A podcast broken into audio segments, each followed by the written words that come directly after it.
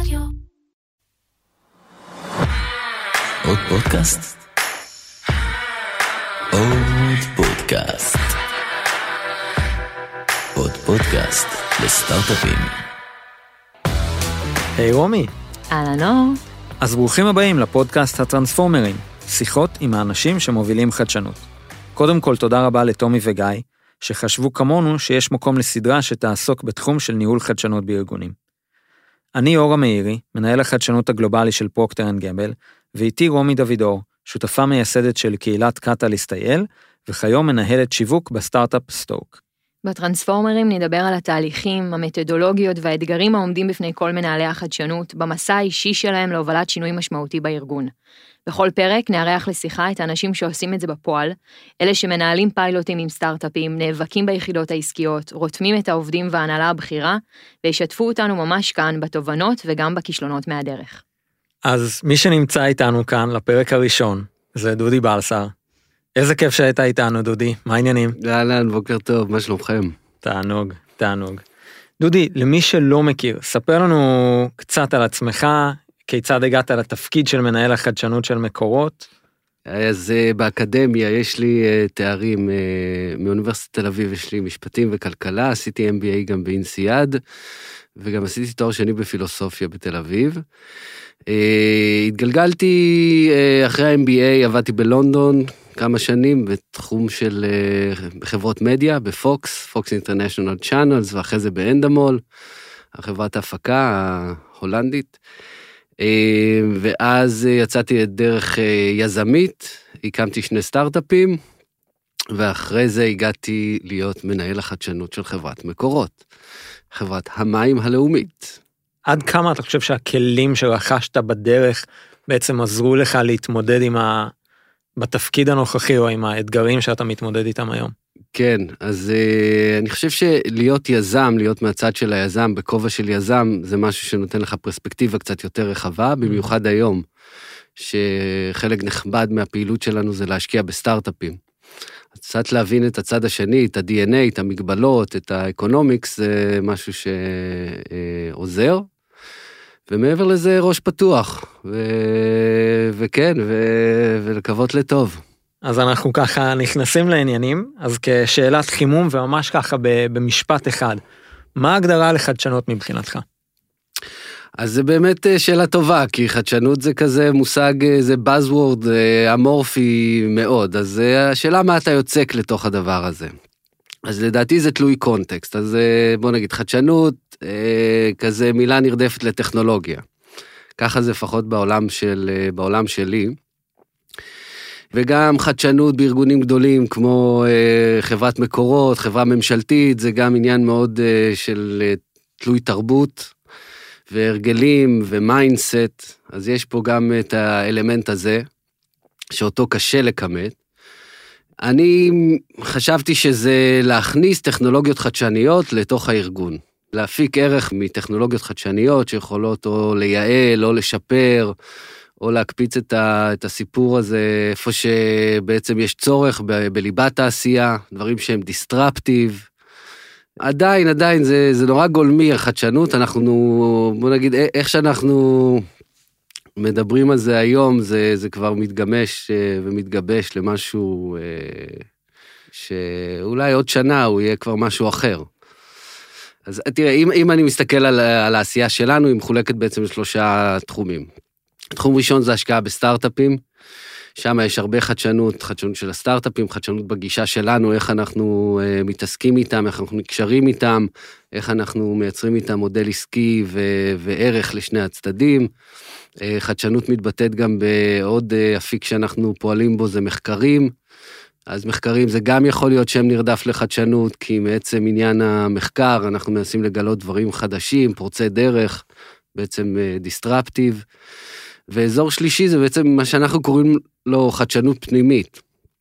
זה לנסות לקחת את ה-brain power שיש בחברה, אנשים עם הידע, עם היכולת, עם הניסיון, ולתת להם את הבמה, לייצר אה, פרויקטים, מיזמים, אה, טכנולוגיות, פטנטים שהם חושבים שהם אה, יכולים להביא ערך לעולם המים ולחברה בכלל. טוב, מה שנקרא כאורך, אה, כאורך המשפט, כאורך הבעייתיות אולי של ההגדרה של מה זה חדשנות, ונראה לי שתמיד נשמע כאן הגדרות שונות וזה חלק מהעניין. כן. טוב, אתה הזכרת את זה בעצמך, דודי, באמת מקורות, חברת אה, תשתיות, ממשלתית, מורכבת, חלק יגידו כבדה, אז האסוציאציה היא טבעית אה, שקופצת לנו לראש, ובטח גם למאזינים, היא מה הקשר בין חברה מהסוג הזה לחדשנות. והתחלת לספר על שלושת הוורטיקלים אולי שאתם מתעסקים בהם, אבל בוא תספר לנו בשנה האחרונה, בשנתיים האחרונות, זאת אומרת הפרויקטים, מה היום מקורות עושה בתחום של חדשנות. אוקיי, אז uh, כחברה ממשלתית, אנחנו, uh, הייתה החלטת ממשלה, שתי החלטות ממשלה לפני שנתיים, אחת שמאפשרת למקורות להשקיע בסטארט-אפים, שזה בעצם איזה נדבך משמעותי בפעילות שלנו כרגע, נכנסנו לזה מאוד חזק. ושניים זה, זה הפעילות העסקית הבינלאומית. גם יש אה, רצון, יש תיאבון בחברה לצאת החוצה לעולם, להראות מה אנחנו יודעים, למכור את הטכנולוגיות, לייעץ, לעשות תכנונים, אה, להביא את הידע והניסיון שיש פה במשק מים מאוד מורכב, אבל מאוד מוצלח, החוצה. אז אלה בעצם שני התחומים שאנחנו פועלים בהם. פרויקטים, דברים שהיו השנה, דברים משמעותיים שהיום מה שנקרא איזשהו מיילסטון משמעותי של, כן. של בחדשנות של מקורות נגיד השנה. אוקיי, אז, אמ, אז מקורות באופן כללי אה, בתנופה מאוד משמעותית. אה, חדשנות זה משהו שגם מגיע מהרמה הכי גבוהה, זאת אומרת מהדירקטוריון והמנכ"ל וההנהלה, ו, ויש פה באמת רוח גבית לחדשנות. אה, וזה מתבטא בעצם גם כן בכמה, בכמה אספקטים. אז יש את העניין של הטרנספורמציה הדיגיטלית, גם איזה Buzzword או מהפכה טכנולוגית, אבל במקורות ממש רואים את זה, משקיעים המון משאבים, המון אה, תשומת לב בסיפור הזה, הרבה כסף, כדי להפוך את החברה בעצם לחברה טכנולוגית, חברה דיגיטלית, מה שנקרא smart water, או digital water. שזה יכול להתבטא מפריסה של אה, עשרות אלפי מונים חכמים, סנסורים בקצה, שהם מעבירים את ה data אחרי זה לכל הארכיטקטורה שלנו, לבקרים, למערכת מרכזית, ל SCADA, למערכת מבצעית, לחדר פיקוד ובקרה, אחד. קיצר, להכניס כמה שאפשר אה, טכנולוגיות לעניין הזה, כדי שתהיה שליטה על אה, מערכת הובלת המים, משק המים באופן כללי, בצורה מאוד יעילה, חסכונית אנרגטית וטובה. אז יש כאן אה, פרויקט אחד גדול, כמו שאמרנו, זה הטרנספורמציה הדיגיטלית, שאיתה אנחנו מתעסקים הרבה. כי פה ב layers האלה נכנס כל העניין של big data ו-AI והרבה סייבר. ובאמת לנסות אה, לקחת את כל ה data שאנחנו צוברים ביום, שזה בערך 30 מיליון ביטים של data אה, במערכת, לחצים, טמפרטורות, כלור, כימיקלים, כל מה שעובר במשאבות, באיגומים, בצנרת וכולי וכולי, ולנסות להפיק מזה את התובנות המרביות כדי לנהל את הסיפור הזה כמו שצריך. זה עולם אחד. עולם שני זה, אפשר להגיד, עולם אה, בישראל עכשיו זה כבר כמה שנים, אבל יש אה, מהפכה של אה, מה שנקרא התפלה. היום למעלה מ-80% מהמים בברז, מים ששותים, מגיעים מהתפלת מי ים, יש חמישה מתקני אה, התפלה גדולים בים התיכון, יש עוד אחד באילת ויש עוד שניים בתכנון בצפון. גם זה מצריך אה, הרבה מאוד חדשנות, התפלה זה בעצם סופר הייטק, זה תהליך מאוד מורכב, מאוד אה, אינטנסיבי אנרגטית, יש כאן את הממברנות, יש פה תהליכים, יש פה באמת אה, חומרים מתקדמים. התפלה זה גם כן איזה אה, סוג של אה, עולם שאותו אנחנו צריכים אה, לדעת איך לנהל.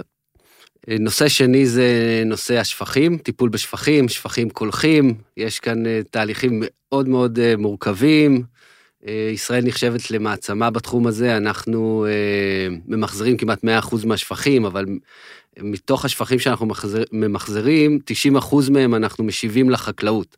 זאת אומרת, אנחנו מטפלים במים, משביחים אותם, זה מים באיכות מאוד גבוהה, ו-90% מהם עוברים אחרי זה לחקלאות, בעיקר בנגב. בוא נגיד ששני הבקטים האלה, התפלה וטיפול בשפכים, זה שני הנושאים המשמעותיים שאנחנו מתעסקים איתם, כי בעצם זה מייצר מצב שישראל, כמקום אה, שהוא על סף המדבר, או חצי מדברי, מצליחה לנתק את עצמה מהתלות בגשמים ובמזג האוויר ומשאבי מים טבעיים על ידי uh, כמו שאמרנו, אחד, להביא את מי השתייה, לספק את מי השתייה ברובם מהתפלת מי ים, ולספק את הצרכים של החקלאות, את ההשקיה, מטיפול בשפכים. שזה מצב שהוא אה, די יוצא דופן בעולם, והוא כרגע מבחינתנו מאוד סוסטיינבילי. בעצם ציינת שאתם מתעסקים בכל מה שקשור להתפלת מים ומחזור מים לחקלאות וכדומה, וזה מאוד מעניין כי זה מתחבר לכל הנושא של כלכלה מעגלית, שזה משהו שאנחנו ב-P&G מאוד מתעסקים בו. אה, למעשה P&G הבינה ש-85% מההשפעה שלנו על הסביבה בכלל לא מתרחשת במפעלים, אלא מתרחשת בבתים של, ה... של הצרכנים. ואנחנו מנסים בעצם לצמצם את צריכת המים. יצאנו עם איזשהו פרויקט שנקרא 50 ליטר הום, שהמטרה שלו היא לצמצם את צריכת המים בבתים. זה משהו שגם אתם מסתכלים עליו? כלומר, מבחינת השימוש הביתי במים? זהו, זה מעניין. תראה, אה, אנחנו פחות בבתים של האנשים, אנחנו בדרך כלל עד פתח העיר, אנחנו מספקים את המים עד פתח העיר, ואז התאגידים לוקחים את זה הלאה עד לבתים. אבל הקונספט, הפילוסופיה הזאת של כלכלה מעגלית זה משהו שהוא מאוד uh, משמעותי, uh, מאוד טרנדי בעולם היום, וגם אצלנו זה משהו שהוא מאוד חשוב.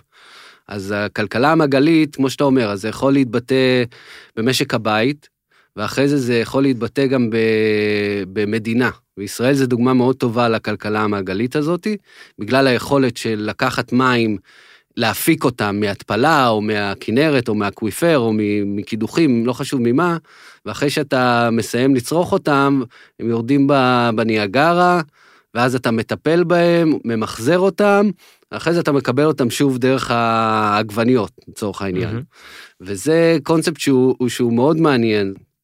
באופטימום זה כמו, אתה יודע, אנחנו תמיד אומרים שזה כמו בתחנת החלל הבינלאומית, שם אין מים, אז מה שהם... אה, הוא שותה את הקפה, הוא הולך לשירותים, ואחרי זה הוא מטפל, ממחזר את המים ושותה את אותו קפה.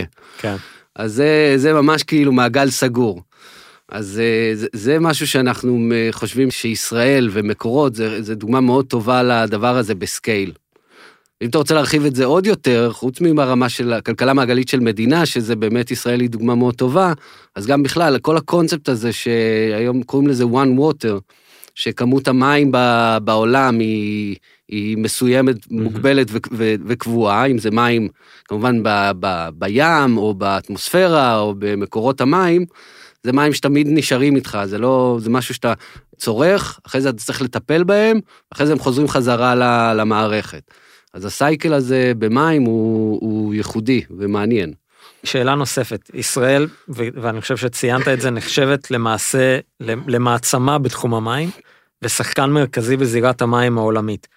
איך, איך הגענו לשם? מה האתגרים וההזדמנויות שעומדות היום בפני מקורות, על מנת לוודא שנישאר כאלה גם בעתיד? כן, אז זה משהו שאנחנו משקיעים בו הרבה אנרגיה. היסטורית, הרבה מאוד קרדיט מגיע ל-founding fathers, למייסדים, אה, בן גוריון, אשכול, בחור בשם שמחה בלס, זה אנשים שבאמת אה, בשנות ה-60 כבר הבינו שבלי משק מים אה, בר קיימא שמגיע לכל המדינה, יהיה פה מאוד קשה. הם הקימו את המוביל הארצי, שאין מה לעשות, בסוף זה השדרה המרכזית שדרכה עוברים המים, וההבנה הזאת היא שעד כמה מים זה חיוני וחשוב, הגיעה מהם בעצם. אז הם בנו פה את התשתית ההולכה, שבעצם מאפשרת את ההגעה של מים לכל קצוות המדינה. אם תיקח בחשבון שאנחנו מדינה מדברית, והיו פה שנות בצורת, ועכשיו אם אתה לוקח את הקונטקסט היותר רחב של שינויי אקלים, וזה שיש גידול באוכלוסייה. אז גם פה אנחנו צופים שעד שנת 2050 יהיו פה משהו כמו 24 מיליון איש בין הירדן לים. אז אתה לוקח מצד אחד גידולים בביקושים, גידול באוכלוסייה, מנגד יש לך קיטון בהיצע, mm-hmm. כתוצאה משינוי האקלים ואי סדירות של, של הגשמים, זיהומים של מאגרי מים וכולי. אז uh, בגאפ הזה uh, אנחנו, אנחנו מבינים ש, שצריכים לעשות משהו. אני חושב שמי ש, שיגשר על, ה, על הפער הזה, זה, זה, זאת תהיה הטכנולוגיה והחדשנות. זה נולד בעצם מנססיטי, מאיזה כורח, מאיזה הכרח, ומאז אנחנו רק משתפרים. ואני חושב שדודי גם ציינת ב... באחת התשובות הקודמות שלך את המילה סייבר ככה זרקת, אה, אולי כבדרך אגב, אבל זה ממש לא כבדרך אגב, כי אנחנו שמים לב שלאחרונה ישראל נחשפת ללא מעט איומים ביטחוניים, אה, ספציפית שממוקדים בתחום המים. איך אתם אה, מתמודדים איתם? למעשה האחריות היא עליכם, על רשות המים, מה, איפה זה נמצא? כן, אז אנ- אנחנו לוקחים את זה מאוד ברצינות. מקורות חווה בערך אה, חצי מיליון ניסיונות בשנה, מכל מיני כיוונים. וואו. זה הצריך אותנו באמת אה, לעשות מאמץ אה, רציני בנושא הזה של סייבר. אנחנו כתשתית קריטית כפופים למערך הסייבר הלאומי. ממש לפני שבועיים קיבלנו את התקן הכי גבוה, הכי מחמיר של מוכנות סייבר, זה נקרא רימון אה, 5, יש רימון 4, רימון 3 וכולי, אנחנו ברמה הכי גבוהה, אנחנו כנראה התשתית הקריטית היחידה ברמה הזאתי. כן, קורים הרבה מאמצים בתחום הזה, אפילו השקענו בחברת סטארט-אפ, חברת סייבר, שיש לה פתרון, יש לה תוכנה, תוכנת סייבר שרצה במה שאנחנו קוראים ב-OT, לא ב-IT, לא באינטרנט, אלא דווקא בין, בין המכשירים, ב-IoT, תוכנה שפיתחנו יחד איתם כדי להתאים אותה למשק המים, לצרכי המים, לארכיטקטורה שלנו. היא יודעת לתת ציון לכל, אה, לכל ציוד, לכל חיישן, לכל בקר, נותנת לו איזה אה, ציון ביומטרי כזה, שכל חריגה ממנו היא מתריעה. אה, עכשיו עשינו לה פריסה בלמעלה משלושת אלפים אה, מתקנים, ככה שזה אה, גם מצד אחד אנחנו מחפשים טכנולוגיות, מפתחים טכנולוגיות, עובדים עם כל חברות הסייבר המובילות ומנסים לייצר פתרון הוליסטי, משמעותי והרמטי לכל ה, הנושא הזה. זה מדהים איך כל דבר במדינה הזאת, לא משנה מה, יהיה לו תמיד איזושהי שכבה כאילו או פוליטית או ביטחונית, וזאת אומרת, אה, זה עוטף את, את הכל. לגמרי, אי אפשר לברוח. לא, ממש. אה, טוב, דיברנו מקורות ומקורות, אבל עכשיו שמתמקדים שנייה בך, בדודי, מה, מה האתגר הכי גדול שלך לשנה הקרובה, לחמש שנים הקרובות? לא יודעת, קח את זה, מה שנקרא, כל אחד בטווחים שונים, אבל מה הפוקוס? האתגר אה, כרגע איפה שאני נמצא זה לקחת חברה יחסית גדולה וטיפה מגושמת, אה, ממשלתית, זה לא שוק פרטי וזה לא הייטק וזה לא סטארט-אפ, שקל אה, לקבל החלטות ולזוז ולשנות. באמת לקחת גוף כזה ולהטמיע בו איזה תרבות של חדשנות ולייצר ערך אמיתי מטכנולוגיות, זה אתגר לא פשוט. יש הרבה סטייק הולדרס בסיפור הזה, יש הרבה פוליטיקה ארגונית, יש אה, רגולטורים, יש, אה, יש, יש הרבה מהכל. לא סתם אנחנו החברה הממשלתית, אה, או חברת התשתיות הממשלתית היחידה שהצליחה להשקיע בסטארט-אפים, זה מסע מאוד משמעותי, מאוד כבד, שמערב הרבה מאוד גופים בתוך הארגון ומחוצה לו כדי להעביר את ההשקעות האלה. אז אם נצליח לשים באמת תשתית אמיתית ו... ותהליכים שיהיו שם להרבה זמן, זה... זאת הצלחה גדולה. זה מורכב ומאתגר מאוד, אז מה שנקרא בהצלחה לגמרי, אז דיברת על סטארט-אפים ומה שנקרא היכולת אה, המשמעותית להשקיע בהם, אז ספר לנו על שיתוף פעולה מוצלח עם גורם האקו-סיסטם, זה יכול להיות מכון מחקר, זה יכול להיות אה, חברת אה, באמת טכנולוגיה, אקדמיה, זאת אומרת, וגם מה גרם לזה להצליח, כי אנחנו יודעים שהרבה מאוד פעמים החיבור הזה בין חברה, וגם אם היא ממשלתית או לא, לגורם מבחוץ, כן. די נידון לכישלון מההתחלה, והגישור הזה, אז מה היו, מה שנקרא, כן. ערכים או הדברים שגרמו לזה לעבוד? כן. אה, אז באופן כללי, אנחנו יודעים לעבוד עם סטארט-אפים, כבר עובדים אה, עם סטארט-אפים, כמו שאת מכירה, סיוון והחבר'ה של אה, ווטק כבר עשר שנים. אז יש פתיחות מאוד גדולה לחדשנות ולעבודה עם סטארט-אפים. דוגמה אחת אה, לחברת סטארט-אפ שהשקענו בה השנה, שנקראת אה, Evolution Water, בעצם חברת אה, AI, חבר'ה יוצאי 8200 שפיתחו אלגוריתמיקה, שבכלל אה, עובדת בעולמות אחרים, או קצת אחרים, בחשמל, בגז, בנפט, ב data centers, והרעיון הוא אה, למצוא את היעילות האנרגטית האופטימלית מה big data ש, שנצבר. אז אנחנו לקחנו אותה מהעולמות האלה והעברנו אותה לעולמות של מים. כמו שאמרנו, לנו גם יש המון אה, data שמגיעה וזורמת אלינו על בסיס יומי. קשה מאוד לבן אדם בחדר פיקוד ובקרה לקבל את ההחלטות הנכונות, האופטימליות, בנושא אה, אנרגטי, בלי עזרה מאיזה תוכנת AI אה, גדולה, מקורות היא צרכן האנרגיה הכי גדול במדינה, כמעט מיליארד שקל חשבון חשמל, אז כל אה, התייעלות באלמנט האנרגטי הזה זה משמעותי. אז אנחנו בעצם הולכים איתם, אנחנו מחזיקים ידיים, כאילו ככה אנחנו עובדים, אנחנו לא רק משקיעים כסף ושוכחים מהסיפור ומחכים להטמעות, אנחנו ממש מפתחים ביחד אה, את המוצר, כדי שזה יתאים, אה, זה customized למשק המים. אז החברה הזאת, Evolution Water, נעשה איתם תהליך משמעותי, הגענו לחיסכון של 8% במערכת, שזה דרמטי, היום אנחנו פורסים אותם בכל הרשת הארצית. והדבר הזה אמור להתגלגל ישר לצרכן, כי כל uh, חיסכון, התייעלות אנרגטית, זה בסוף מוריד מתעריף המים. וזה משהו שאנחנו מאוד מת, מתרגשים לקראתו.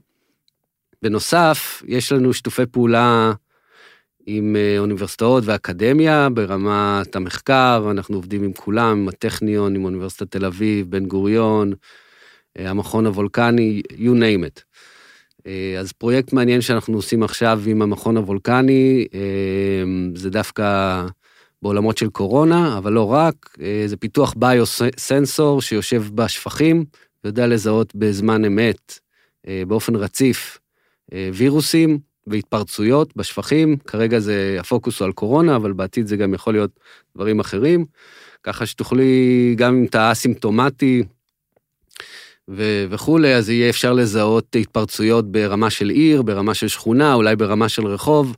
הביוסנסור הזה יש לו איזה קולטן כזה, חלבון שיודע לקלוט את הווירוס, והרעיון הוא לייצר התראות או early detection systems בכל המערכת, כדי uh, באמת להבין או לייצר תמונה שמשקפת את מה שקורה, כאילו בלי לחדור כמובן יותר מדי לפרטיות ולכל מיני אזורים כאלה, אבל כן, אה, אז זה פרויקט שאנחנו מאוד מתרגשים גם אה, לקראתו. לא, זה נשמע מדהים, ואני מחייכת, אבל אני הולכת להיות רומי ולהתעקש. מה גורם לזה להצליח? מנהלי חדשנות הולכים, מה שנקרא, להקשיב לתוכנית הזאתי, וכולם מתמודדים עם זה, גם אור כאן שלצידי. זה מורכב לעבוד כן. עם סטארט-אפ. אתה אומר, לוקחים אותם יד ביד, הופכים אותם למיין דיזיין פרטנר. זאת אומרת, מה אצלכם במקורות היה צריך לקרות כדי שזה יהיה מוצלח, כדי שזה יעבור חלק, כדי שבכלל יהיה את הטנגו הזה ביניכם? כן. אז קודם כל, הצורך עצמו צריך שהוא יהיה מובהק, והוא יהיה בליבה, והוא יהיה מספיק מעניין וחשוב לכמה שיותר אנשים, כדי שאנשים באמת אה, יבינו את הערך אה, בלי שנצטרך להסביר להם יותר מדי. ככה אפשר לגייס את הפן המקצועי שבארגון. וזה הכי טוב. אם זה, אם זה מגיע מאנשי המקצוע, זה, זה יוצא הכי טוב. אה, הם מובילים את זה, הם חלק מזה, זה מעניין אותם, יש להם את התשוקה לדבר הזה, את המחויבות, והם יכולים לקחת את זה הלאה. אני מדבר על החיבור המקצועי. אני אה, שנייה מתפרץ, כן. אני מסכים איתך בטריליון אחוז, אני חושב שגם אנחנו רואים את זה אצלנו, כל צורך שהוא לא מוגדר כ-must have, אלא רק כ-nice to have, הוא מראש נידון לכישלון. כלומר, אנחנו נבחר לעבוד רק עם פרויקטים שבאמת הם ראשונים במעלה והם רק הדברים החשובים ביותר שבאמת עונים על איזשהו כאב אמיתי ומשמעותי של הביזנס, כי אחרת זה באמת, כמו שאתה אומר, זה פשוט לא יעבוד. נכון. זה גם, זה גם לקח שאנחנו למדנו, בדיוק. זה צריך להיות מספיק כואב, מספיק חשוב, מספיק יוצא דופן, ובליבת העשייה, כדי ש... כל הסטייק הולדרס יסתדרו מסביב זה, ובאמת ישקיעו את האנרגיה שצריך כדי להרים את הדבר הזה. וזה לא קל לאפיין את הצרכים האלה. אבל ברגע שהם מוצאים, אז, אז, אז יודעים, אם זה ענה לך. זה ענה, אני ישבתי התחלה. פה, זה התחלה, לא, אני ישבתי פה ומה שנקרא, לא רוצה להגיד music to my ears, אבל זה בדיוק העניין, כי אם, אם זה לא כואב, ואם זה לא בקור ביזנס, אז מה שנקרא, אז זה nice וזה אחלה, וזה תקציב שאף אחד בסוף לא רוצה לשים, וזו יחידה עסקית שבסוף לא רוצה לשים על זה את המשאבים שלה, ואומרים uh, תודה למנהל החדשנות, והחיים ממשיכים, אז נכון. נראה לי שזה מה שנקרא אור ודודי מהנהנים, אה, מהנהנים. אה, כן, כי בסוף אתה מבזבז את הזמן גם לסטארט-אפ, גם לעצמך, גם נכון. ליחידה העסקית, אז כן, נכון. חד משמעית. בדיוק, זה, זה בדיוק הניואנס הזה, מתי חדשנות זה נשאר בגדר פולקלור, ואיזה משהו שהוא נורא פלאפי, לבין באמת משהו שיש בו ערך משמעותי, זה, זה האתגר. נכון, ואפרופו אתגרים, אז אני חושב שאחד האתגרים המשמעותיים של מנהלי חדשנות, זה בעצם איך, איך אנחנו מודדים את, ה, את ההצלחה. כלומר, מה הם ממש המדדים שאנחנו משתמשים בהם, באיזה KPIs אנחנו משתמשים, גם לעצמנו, אבל גם עבור ההנהלה כדי למדוד אותנו. זה משהו שמאוד מעניין אותי לשמוע איך זה קורה, איך זה מתרחש אצלכם. כן. בעולם שלנו, כמו שאמרתי, זה מחולק ל- לשלוש, לשלושה חלקים. כמו שאמרנו, יש את הסטארט-אפים, יש את המחקרים ויש את החדשנות הפנימית. אז בכל אחד, בכל עולם כזה יש KPIs טיפה אחרים. זה אף פעם לא פשוט וזה תמיד מטריקסים, ו... ו... ובוא נתחיל מהקל אל הקשה. או מהרך אל הנוקשה. נתחיל מהרך, שזה בעצם החדשנות הפנימית, שזה משהו שהוא גם, אה, חוץ מהערך האמיתי שזה מביא, מייצרים באמת איזה במת הרמה או רובוטית שיודעת להחליף ממברנות בצורה אוטומטית, כמובן שזה מוסיף ערך לחברה, לתהליך, לתפעול, אה, לבטיחות, יש פה ערך אה, מובהק, אבל יש פה גם ערך תרבותי שאתה מביא לארגון. אתה נותן לאנשים את הבמה, את הכלים, את המשאבים כדי לפתח רעיונות שלהם, שירשמו על שמם את הפטנט, מה שזה לא יהיה. זה מקנה, חוץ מה-value הקונקרטי, זה נותן גם איזה מעטפת תרבותית, משהו שקשה לכמת אותו. זה בצד הזה. מנגד, סטארט-אפים. בסדר, אנחנו לא VC פר אקסלנס, אבל עדיין, אנחנו כן אה, מחפשים את ה-ROI, אנחנו כן מחפשים בסוף שהדבר הזה יתרומם, ואת זה קל לכמת. אתה יודע שהשקעת בסטארט-אפ בוואליואציה כזאת וכזאת, ככה וככה, אתה מקווה שעוד שנה, שנתיים, אחרי שאנחנו גם מאוד אקטיביים בלהשביח את העניין הזה, לפתוח להם שווקים, לייצר להם באמת את המוצר הנכון, אז אנחנו רואים שבאמת אחרי שנה, שנתיים, אנחנו רואים במכירות, רואים במאזנים, רואים, רואים את זה ממש באקונומיקס, איך הדבר הזה מתרומם ואיך ההחזקה שלנו אה, שווה יותר. או בדיבידנדים, או בהחזקה, או מה שזה לא יהיה. אז אה, זה פחות או יותר הקשת. ובאמצע, מחקרים, אז מחקרים זה... כן, זה אקדמי, יודעים אם המחקר עובד או לא עובד, אבל לקחת מחקר בסופו של דבר מרמה של אפילו אם ה prototype עובד, ה-POC מוצלח, הכל בסדר, למסחר אותו, זה גם כן עולמות שהם אה, גם קצת יותר אה, מורכבים. וההנהלה היא מה שנקרא, זה מטריקות שמה שנקרא מלמעלה, זה מטריקות ממך, זאת אומרת, אה, אנחנו מכירים את המתח בין מה שנקרא להגיע ל-Q1 ו-Q4 ומה שנקרא לשבת בישיבות דירקטוריון ולהגיד מה החדשנות עשתה השנה, או עשתה ברבעון הזה. אז הם aligned לדברים שעכשיו אמרת, או שיש שם קצת גם אה, מתח? אז כן, במיוחד שעושים דברים חדשים, אנחנו רק התחלנו להשקיע בסטארט-אפים. השנה השקענו בארבעה סטארט-אפים, ואנחנו נותנים דיווח אנחנו כאילו over מתאמצים כדי אה, להשאיר את הדירקטוריון ב- ב loop, כדי ש... ש... שירגיש חלק מהסיפור הזה. זה אנשים, גם בדירקטוריון יושבים אנשי עסקים רציניים, אנשים עם הרבה ידע. חשוב לנו שגם הם יהיו uh, ב loop, יהיה להם את ה visibility על מה קורה ב... בעסק, אולי הם יכולים לייעץ לנו, יכולים לעזור לנו. אז כן, אנחנו, אנחנו משתדלים אה, כל רבעון לתת אה, סקירה, גם על המאזנים, על ה economics, על המאזני בוחן של החברה, גם על המכירות, גם על התפתחויות אה, מהותיות וכולי. ואנחנו בונים את זה, כרגע זה, זה, זה, תוך כדי ריצה אנחנו בונים את, ה, את העניין הזה. מה שעוד, שמקורות זה בגלל שזו חברה כזאת היא... אה, גדולה וקצת מסובכת, אז אנחנו גם משתדלים לעשות נהלים, יש איזה עניין של נהלים. בזה, בנוהל אנחנו מגדירים מה ה-KPIs וכולי וכולי, ואנחנו משתדלים, אה, משתדלים אה, שהסיפור הזה ידפוק. אתה יודע, אומרים מה שלא מודדים לא מצליח, או מה שנקרא, וזה מוביל לדבר הבא, שמה שנקרא, אנחנו יודעים, הרבה אמרו את זה לפניי, וכשאני ואור חשבנו על הדבר הזה, זאת אומרת, המתח בין סטארט-אפ nation, ושיש פה כל כך הרבה היצע טכנולוגי וסטארט-אפים באמת פורצי דרך, ואנחנו מה שנקרא עם ההילה הזאת כלפי העולם, לבין, אה, ואני אגיד את זה בצורה אולי ממש פשוטה ואולי בוטה, אנחנו לא טובים בהטמעה. זאת אומרת, יש פה יוניקורנים ואקזיטים על ימין ועל שמאל, אבל אה, ברמה של ההטמעה אנחנו חווים קושי או קשה, וגם אנחנו יודעים שהחדשנות לרוב, מה שנקרא, עוברים את הסייקל של לבחון, לאתר, לזה, ואנחנו מוצאים את הסטארט-אפ, ובהטמעה או בסקייל, שם הכישלון. אז מה יש לך להגיד על זה? זאת אומרת, איך אתה רואה את מקורות אולי בקונטקסט הזה, וגם כמובן את מה שנקרא אומת החדשנות שאנחנו כולנו חלק ממנה. כן, זה מעניין. אני אגיד לך מה קורה אצלנו. אנחנו חייבים שהטכנולוגיה, שהסטארט-אפ, הפעילות שלו תהיה בליבה, כמו שאמרנו, של הפעילות. ואנחנו מחויבים, על פי החלטת ממשלה, להטמיע את הטכנולוגיה. ממש מחויבים. אז זה שם לך אה, כזה קוויאט כזה על הראש, שהוא דרמטי, אבל הוא זה שמוביל את כל הסיפור הזה. ברגע שאתה יודע שאתה חייב להטמיע, ו... ותהיה הטמעה, כמו שאתה אומר, זה, זה, זה די מסדר את היכולת המאוד מאוד אופרטיבית והקונקרטית של הטכנולוגיה. זאת אומרת, אנחנו משקיעים ב equity אה, בסטארט-אפ, אה, סכומים ב- לא, לא משמעותיים יחסית לעולם העסקי, אבל משקיעים, אבל מה שאנחנו בעצם מביאים, אה, ה value העיקרי זה בעצם היכולת, אה, ההסכם רכש הזה, ההטמעה הזאת. ועצם ההטמעה כבר שם אותנו כבר במקום קצת יותר, אה, שמביא את הערך לתוך החברה מעבר להיותנו משקיעים פיננסיים. אז, אה, אז, אז אצלנו, בוא מה שמוביל את הסיפור הוא דווקא ההטמעה, ופחות ה- היזמות וההתחלה וה, והפיתוח של, ה, של הקונספט. כלומר, כביכול אתם מתחילים מהסוף, כלומר לראות האם בכלל יש סיכוי להטמיע את הפתרון, ורק אז בעצם הולכים אחורה ומחפשים את, ה, את הפתרון אה, שאפשר אה, לממש, וזו גישה מאוד מאוד אה, בריאה בעיניי.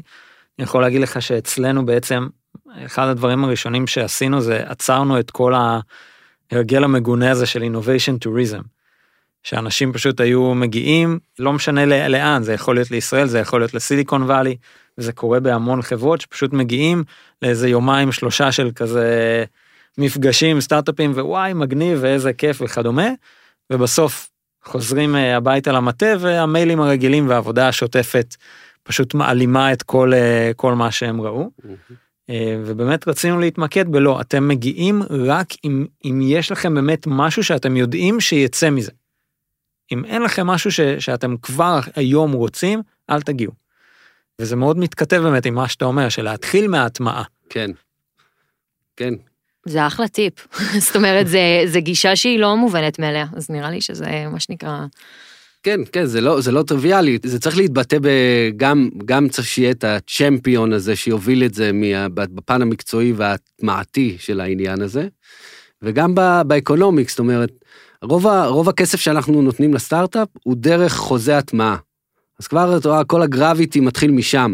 זאת אומרת, במשקיעים, אוקיי, ב equity, בוא נגיד קצת, אבל העניין הזה שאתה מביא לסטארט-אפ בתחילת דרכו מחזור עסקי והטמעה שכבר מלווה ב- POC ותקלות ו- adjustments וכל ה tweaking של המוצר שלו כדי שהדבר הזה יעבוד, ואנחנו מדברים על תשתית מים, שזה תשתית קריטית, זה לא עכשיו אה, יעבוד, לא יעבוד, זה, זה צריך שזה יהיה ברמה, ברמת גימור מאוד מאוד אה, גבוהה וטובה. אז אה, זה כבר מיישר את כל העניין הזה למקום טוב. תגיד, דודי, מכל מה שאמרת זה נשמע שחדשנות אצלכם זה ממש חלק מהליבה, מליבת הפעילות, כלומר זה שזור לכל אורך הפעילות שלכם. מדוע אתה חושב שיש חברות שבעצם לא מצליחות להביא את החדשנות ממש לליבת הפעילות? איפה זה נכשל? מה האתגרים בנושא?